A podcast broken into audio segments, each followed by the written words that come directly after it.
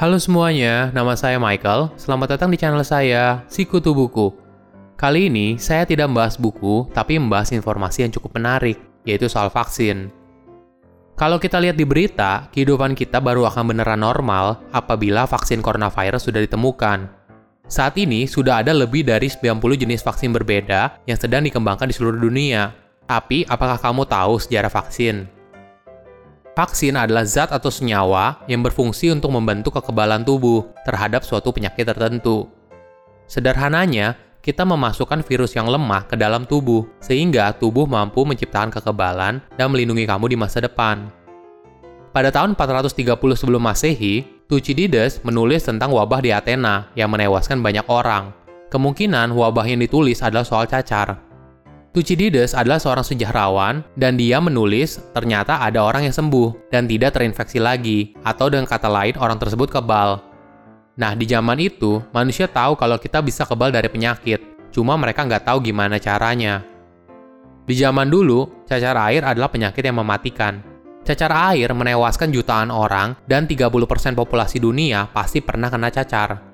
Bahkan jika kamu selamat, pasti masih tersisa bekas cacar air di tubuh atau wajahmu. Selanjutnya, di abad pertengahan, ada terobosan di Cina. Mereka ternyata mampu memproduksi kekebalan terhadap virus cacar air dengan cara yang cukup sederhana.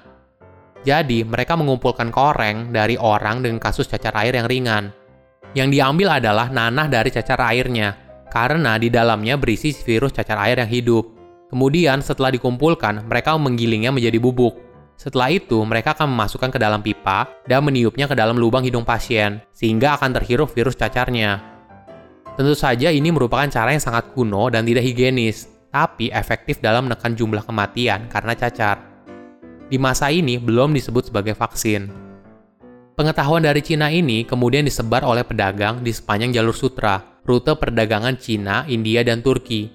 Di Turki, pengetahuan soal cacar air disempurnakan, jadi, dokter tidak lagi meniup virus cacar ke dalam hidung pasien.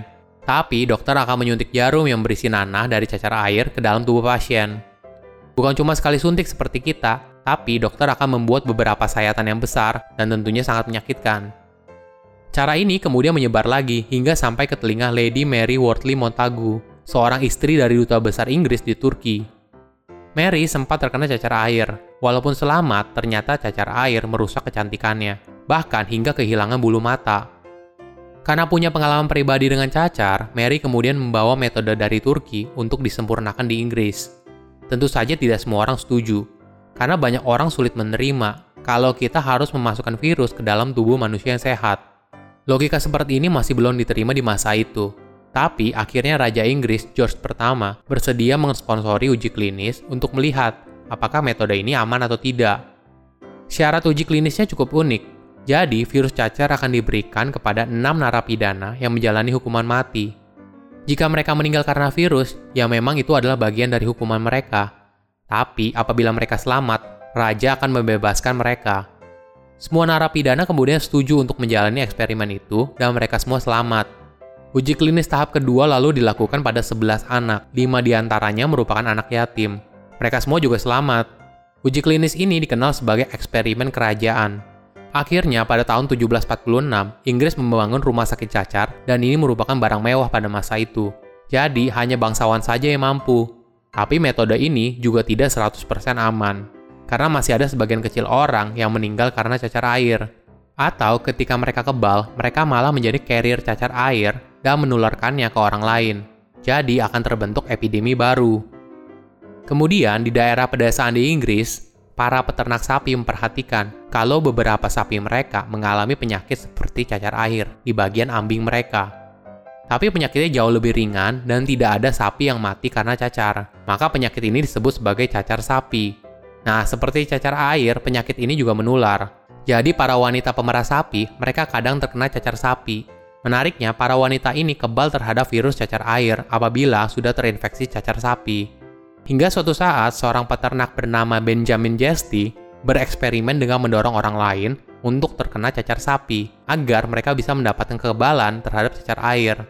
Sayangnya masih muncul reaksi negatif dari cara ini dan tidak 100% aman. Cara ini kemudian disempurnakan oleh seorang dokter dari Inggris bernama Edward Jenner. Dia punya ide untuk mengambil nanah sapi bukan dari sapi itu, tapi dari wanita pemerah susu sapi. Nah, dari situ virusnya kemudian ditransfer ke manusia lain. Jadi transfer virusnya bukan dari sapi ke manusia, tapi dari manusia ke manusia. Edward pun melakukan uji klinis dan berhasil. Di sinilah baru muncul nama vaksin yang berasal dari nama variola vacina. Vaca merupakan nama latin dari sapi, dan proses inokulasinya dinamakan vaksinasi. Itulah sejarah awal dari vaksin. Walaupun sekarang vaksin tidak berasal dari sapi lagi, tapi kita tetap menyebutnya sebagai vaksin. Silahkan komen di kolom komentar pelajaran apa yang kalian dapat ketika tahu informasi ini. Selain itu, komen juga mau tahu informasi apa lagi yang saya review di video berikutnya. Saya undur diri, jangan lupa subscribe channel YouTube Sikutu Buku. Bye-bye!